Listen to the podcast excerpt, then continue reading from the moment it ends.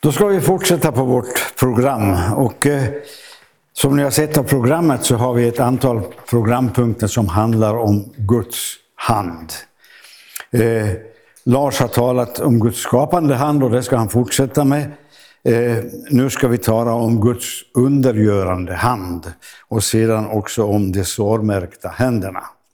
Men eh, som en inledning till ämnet Guds undergörande hand så ska vi sjunga en av eh, Anders Karl Rutströms dråpliga gamla sånger om just Guds förunderliga styrelse med oss allesammans. Det är nummer eh, 24, 24.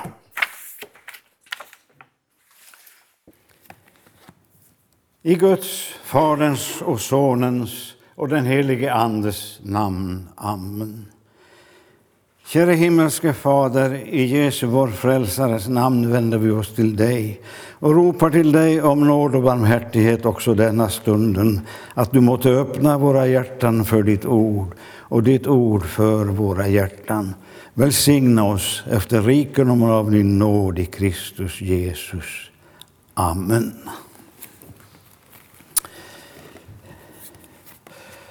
Guds undergörande nåd.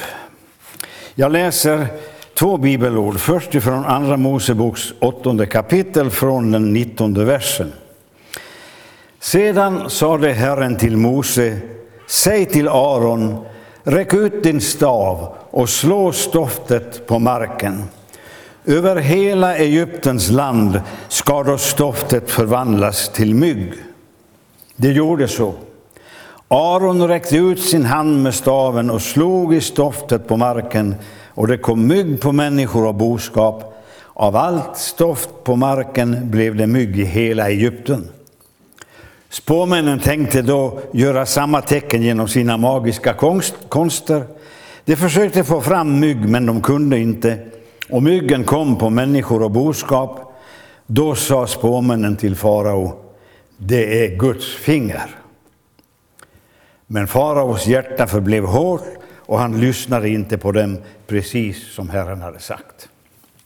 Och så läser jag från Lukas 11, från den 14 versen. En gång drev Jesus ut en ond ande som var stum. När den onda anden hade farit ut talade den stumme och folk var förundrade. Men några av dem sa, det är med hjälp av Belsebul, de onda andarnas furste, som han driver ut onda andarna.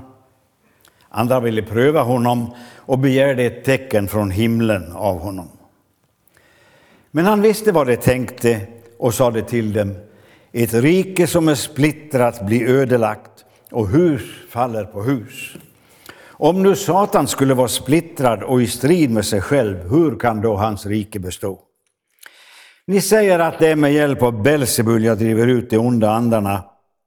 Men om jag driver ut andarna med Belsebul, med vem driver då era söner ut dem? De blir alltså era domare. Men om det är med Guds finger jag driver ut de onda andarna, då har Guds rike nått er. Guds undergörande hand.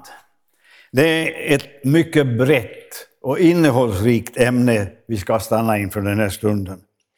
Vi hörde igår om Guds undergörande hand i skapelseverket och det är Guds undergörande hand vi också möter i andra ämnen vi här vid våra midsommardagar. Och ibland så får vi instämma med sångförfattaren när han sjunger Hur underlig är du i allt vad du gör vem kan dina vägar förstå? Och inte minst med tanke på det vi nyss fick höra om Johannes döpares, döparens öde. Den, eh, den största av kvinna född, enligt Jesu egna ord, skulle sluta sitt liv och halshuggas genom en orättfärdig kvinnas nyck. Men om vi än sjunger hur underlig är du, allt vad du gör, vem kan dina vägar förstå? Så sjunger vi också gärna fortsättningen men ett är dock säkert, den väg du mig för, för mig är den bästa ändå.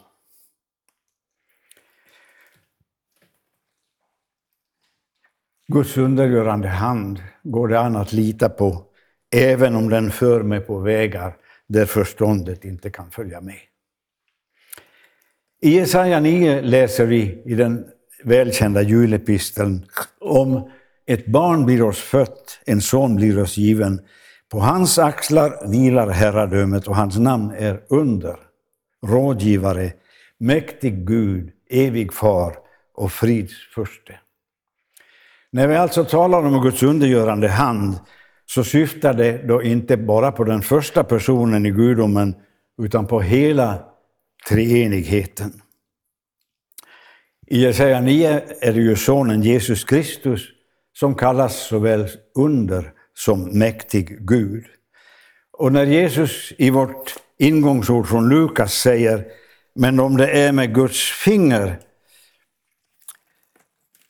jag driver ut de onda andarna, då har Guds rike nått er.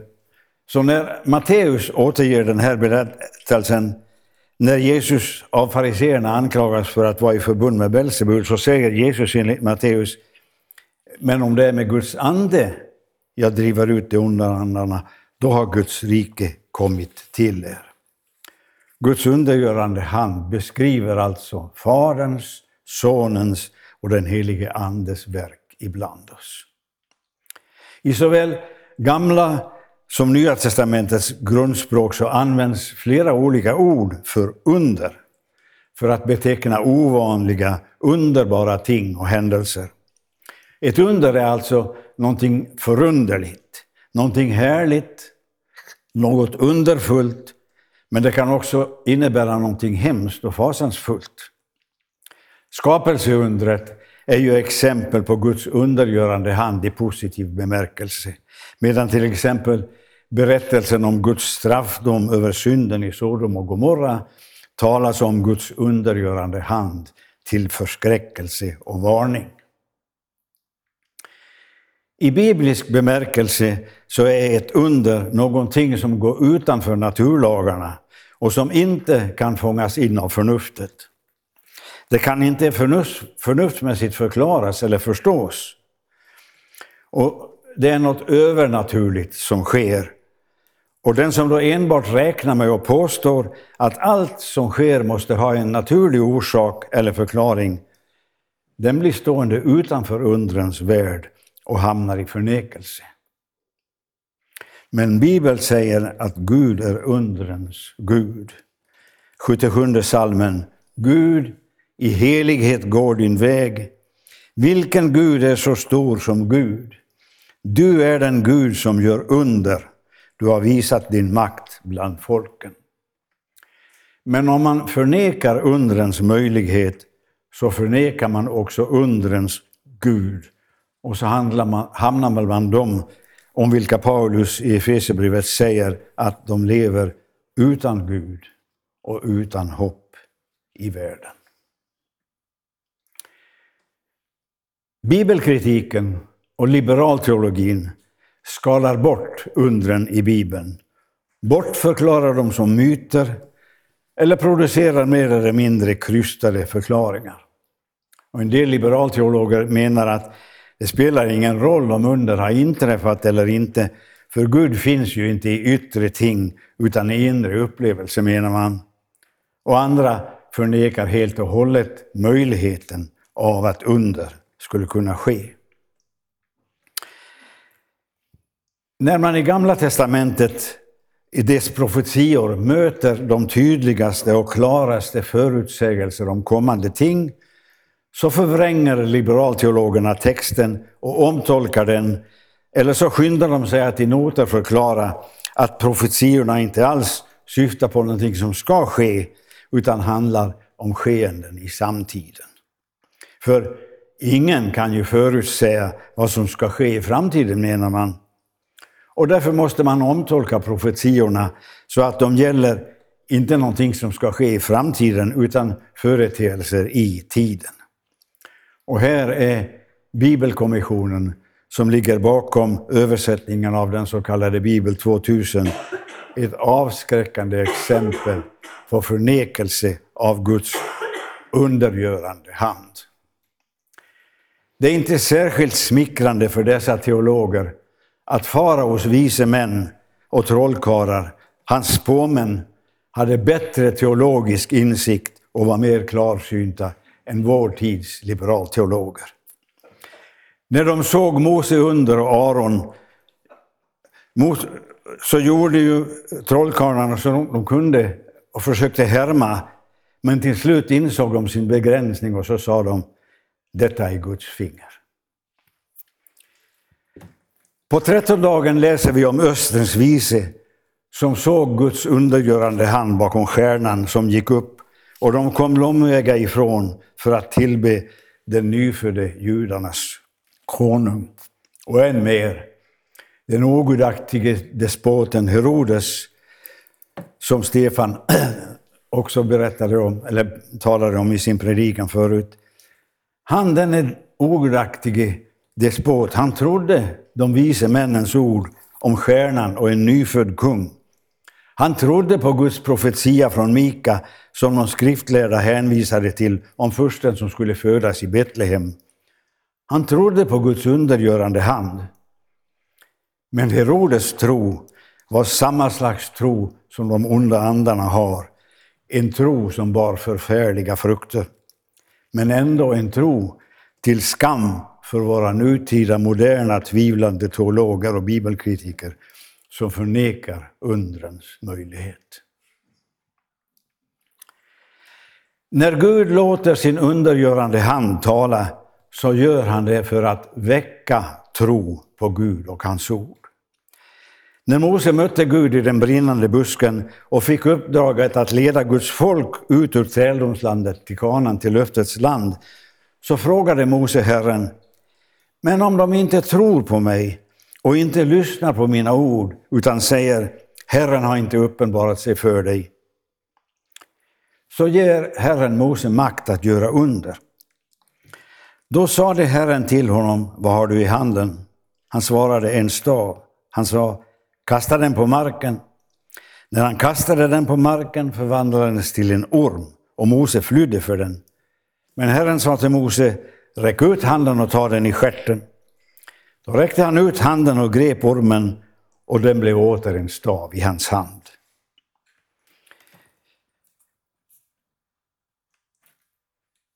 Herren sade, så ska de tro att Herren deras fäders Gud, Abrahams Gud, Isaks och Jakobs Gud, har uppenbarat sig för dig. Herren sa sedan till honom, stick, in handen i din, stick handen i din barm. Han gjorde så, och när han drog ut handen var den vit som snö av spetälska. Sen sa Gud, stick tillbaka handen i din barm. Mose gjorde så, och när han drog ut den liknade den resten av hans kropp igen. Och Herren sa, om de inte tror dig eller lyssnar till det första tecknet så måste de tro på det andra tecknet. Om de inte ens tror på dessa två tecken eller lyssnar till dina ord, ta då lite av Nilens vatten och häll ut det på torra marken. Då ska vattnet som de tog ur floden förvandlas till blod på torra marken. Och när Mose och Aron sen står inför farao så vill han se vad de gör för under, någonting som kan bekräfta deras rätt att ställa krav på att farao ska släppa folket. Och flera av undren lyckas nu faraos trollkarlar att härma, men till sist, som jag nämnde förut, så får de erkänna och bekänna Guds undergörande hand. Detta är Guds finger. Men faraos hjärta förhärdat till hans egen och sitt folks olycka. Genom hela Gamla testamentet kan vi följa Guds undergörande hand. Från skapelsen i Edens lustgård med det första löftet om Guds undergörande hand i frälsningshistorien. Genom berättelserna om patriarkerna i Josefs historia, i berättelsen om påskalammet och uttåget, till Röda, Röda havet, ökenvandringen, vid Sinao och vidare fram till intåget när de går över Jordan och går in i Kanans land. Vi spårar Guds undergörande hand i kapitel efter kapitel i hans handlande med sitt folk, i profeternas förkunnelse, hos Elia på berget Karmel, om Elisa och hur Naman botas från sin spetälska, i Danielsbokens berättelser om den brinnande ugnen och om lejongropen. Det finns ingen ände på berättelser om hur Guds undergörande hand styr världen och människors öden och hur han leder sitt liv.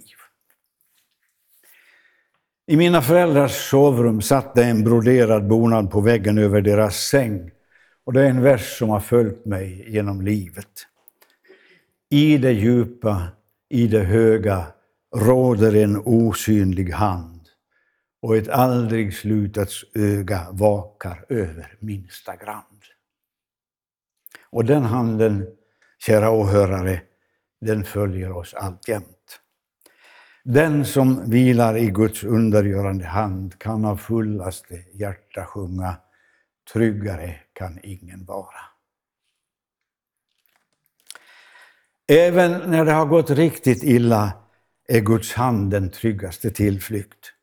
När kung David hade handlat dåraktigt och fallit i svår synd så blev han förelagd att välja ett av tre straff från Herren.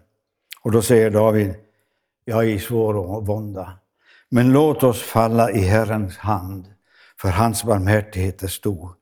I människors hand vill jag inte falla. Går vi så till Nya testamentet så finner vi Guds undergörande hand genomgående i verksamhet. Flera olika ord används för att beskriva och belysa detta. Tecken, undertecken, kraft och makt. När Petrus predikar på pingstdagen i Jerusalem så talar han om Guds undergörande hand när han om Jesus säger Israeliter, hör dessa ord.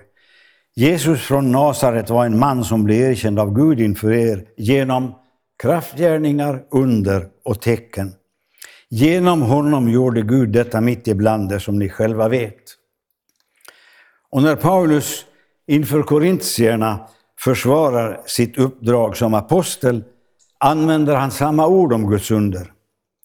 Det som kännetecknar en apostel har blivit utfört hos er med all uthållighet genom tecken, under och kraftgärningar. Och att Paulus kan uttrycka sig på det här sättet, det har att göra med att Jesus har gett sina apostlar gudomlig fullmakt. Deras förkunnelse var Guds ord. Lukas 10 och 16 säger Jesus, den som lyssnar till er lyssnar till mig och den som förkastar er förkastar mig. Och där apostlarna gick fram var det därför Guds undergörande hand som verkade. Jesus säger, Markus 16, dessa tecken ska följa dem som tror. I mitt namn ska de driva ut onda andar. De ska tala nya tungomål.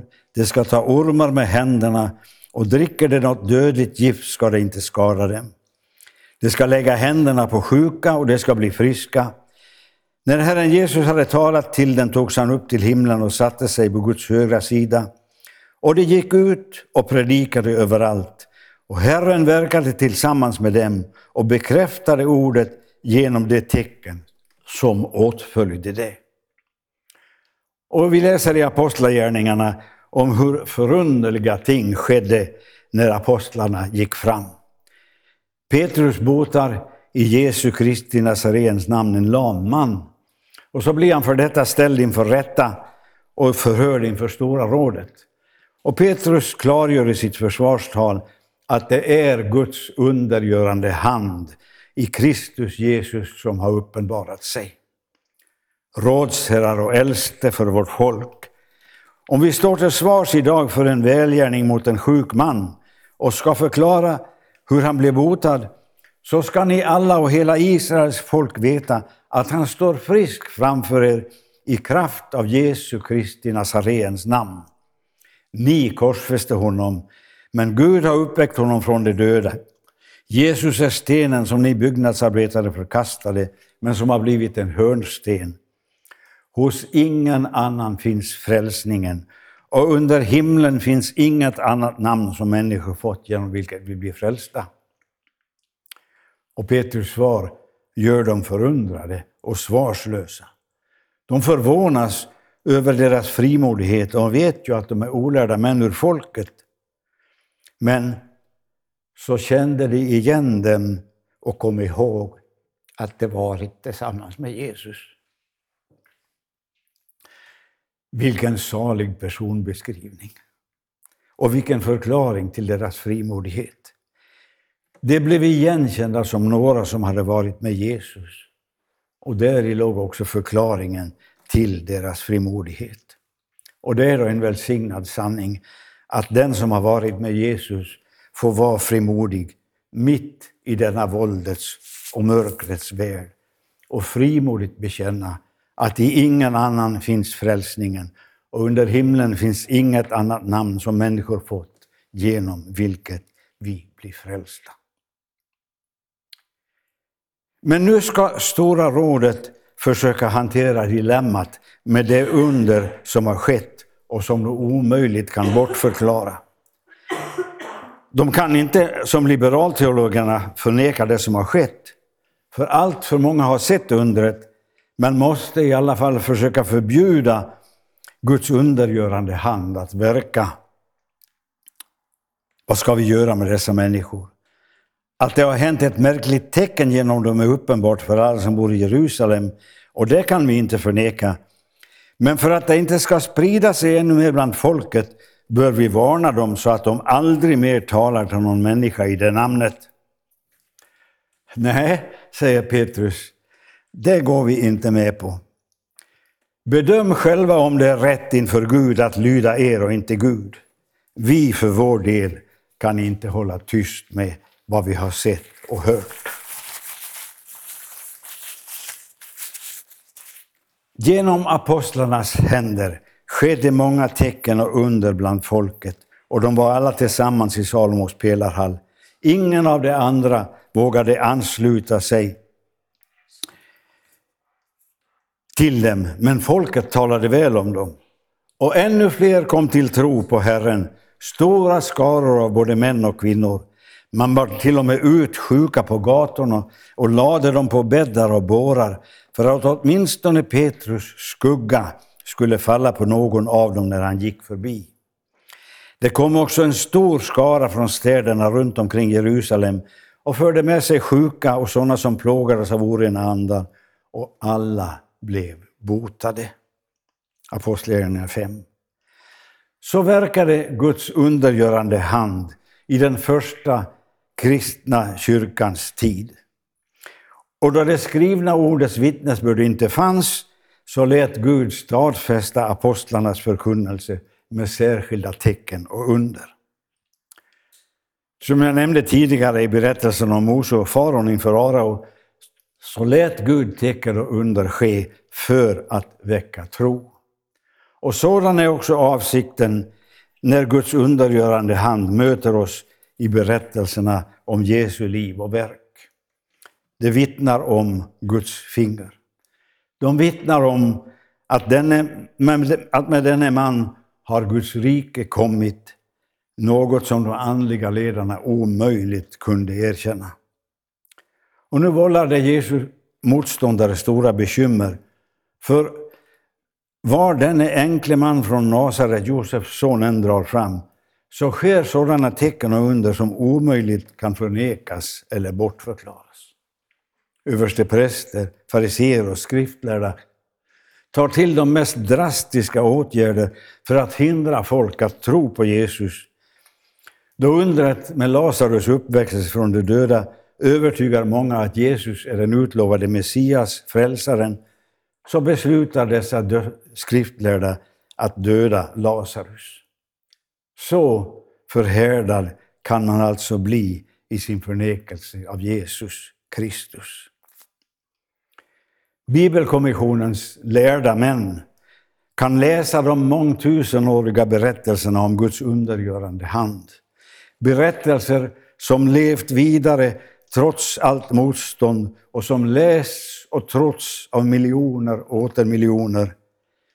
Men Bibelkommissionens översättare ställer sig på samma låga nivå som de som ville mörda Lazarus för att hindra tron på Guds undergörande hand. I vårt ingångsord från Lukas 11 har vi ett annat exempel på fariseernas försök att omintetgöra tron på Jesus som frälsaren. När Jesus driver ut en ond ande, en stum ond ande, och fariseerna inte kan förneka det faktum som har skett, så påstår de att det är med hjälp av Belsebul, de onda andarnas furste, som han driver ut andarna. De påstår alltså att Jesus är i förbund med djävulen själv. Boyert skriver i sin bibelförklaring att Belsebul från början var en Baalgud hos filisterna. Och hans namn kan betyda husets herre, alltså tempelguden, medan judarna kallade honom dyngguden. Och så tar alltså motståndarna till de värsta argument, inte bara för att skämma ut Jesus, utan för att på allt sätt förnedra honom genom att förknippa honom med en dynggud. Och så svarar Jesus dem med att tala om Satan. Han visste vad de tänkte och sa till dem, ett rike som är splittrat blir ödelagt och hus faller på hus.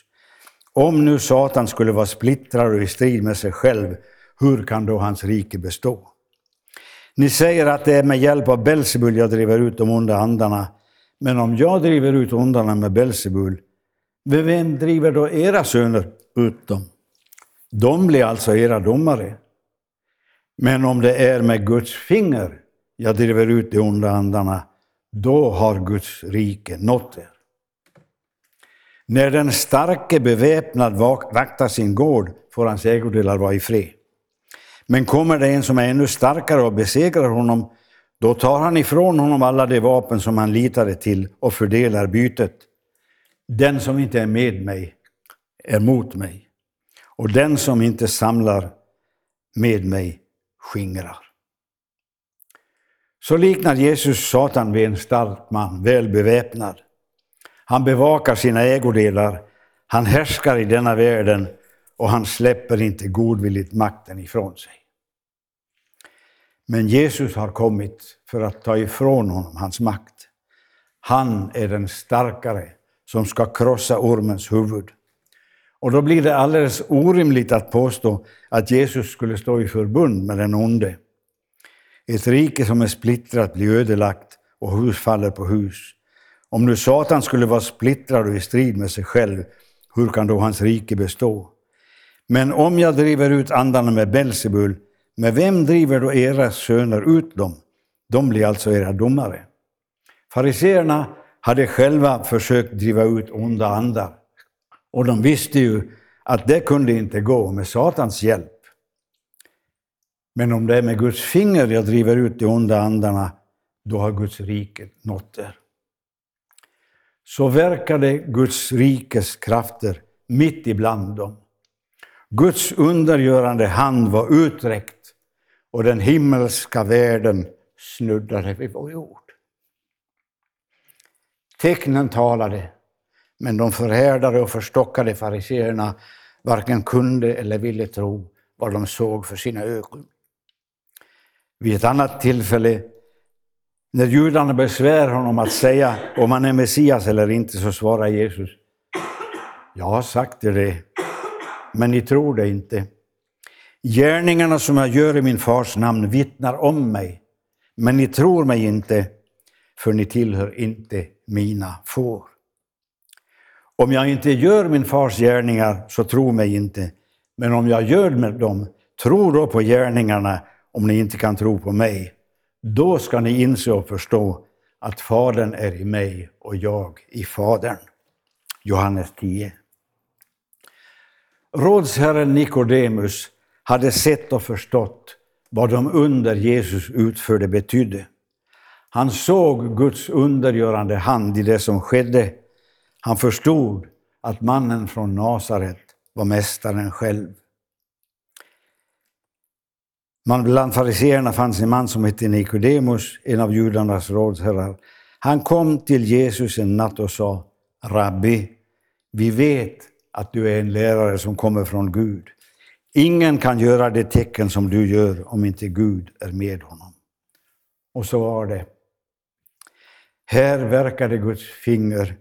Här var Guds rike.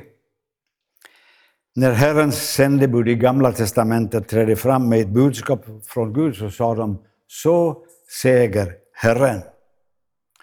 Och Jesus är Herren. Därför säger han, ni har, sökt, hört att det är sagt, ni har hört att det är sagt, men jag säger er. Det är Herren själv som talar. Johannes sitter där i sin fängelsehåla och så får han besök av sina lärjungar. Och då sänder han dem till Jesus med frågan om han var den som skulle komma eller om de skulle vänta på någon annan. Och Jesus svarar på frågan med att hänvisa till Guds undergörande hand. Gå och berätta för Johannes vad ni hör och ser. Blinda ser, lama går, spetälska blir rena, döva hör, döda uppstår och fattiga får höra glädjens budskap. Guds rike har kommit. Johannes hänvisar till vad som i Gamla testamentet var sagt om Messias. Och Jesu gärningar visar på uppfyllelsen av profetiorna. Guds undergörande hand verkade mitt ibland dem. Och det tecken Jesus hänvisar till är blinda ser, lama går, spetälska blir, ska bli rena, döva hör, döda uppstår. Och så nämner han sist det allra största av alla tecken och under. Fattiga får höra glädjens budskap, evangelium. Här är det Guds undergörande hand visar sig först och främst. Allra störst av allt Guds undergörande hand har gjort ser vi i hans handlande när, när det gäller frälsningen. Och det ska jag försöka säga något mer om i nästa ämne, de sårmärkta händerna. Och därför ska jag avsluta det här föredraget med en annan sida som inte har med Guds undergörande hand att göra, men med något som Jesus varnar för, något som kan bli oss till förförelse. Jesus säger att i den yttersta tiden ska det bli nöd så svår att om inte den tiden förkortades skulle ingen människa bli frälst. Men för de utvaldas skull kommer den tiden att förkostas, säger Jesus. Inför denna yttersta nöd varnar Jesus. Om någon då säger till er, här är Messias eller där är han, så tro det inte. Falska Messiasgestalter och falska profeter ska träda fram och göra stora tecken och under för att om möjligt bedra även de utvalda. Faraos spåmän och trollkarlar kunde härma några av de under Mose gjorde, men fick till sist erkänna detta är Guds finger. Fariseerna anklagar Jesus för att göra under i förbindelse med djävulen. Och i Apostlagärningarna 8 läser vi om trollkarlen Simon som slog folket i Samarien med häpnad genom sina trolldomsunder. Och det är så många i våra dagar också, i den andliga världen, som inte vill nöja sig med det enkla ordet, utan jagar efter tecken och under, efter stora upplevelser och sensationella ting. Men när Jesus vid ett tillfälle uppmanas att göra tecken för att bli trodd, så säger Jesus att den som frågar efter tecken och under tillhör ett ont och trolöst släkte. Och inget annat tecken än profeten Jonas tecken ska ges. Jesus hänvisar till sitt lidande, sin död och uppståndelse som det tecken som föder en saliggörande tro i människors hjärtan. I världen krigen väl bullra och makt sig spänner mot makt. Men på den spädaste, men på den spädaste skuldra är herradömet dock lagt. Och över änglarnas skara kring tronen prisande står, som är och skall vara då jord och himmel förgår. Amen. Herre och frälsare, Må din undergörande hand få röra vid våra hjärtan till frälsning, till liv och till salighet. Amen.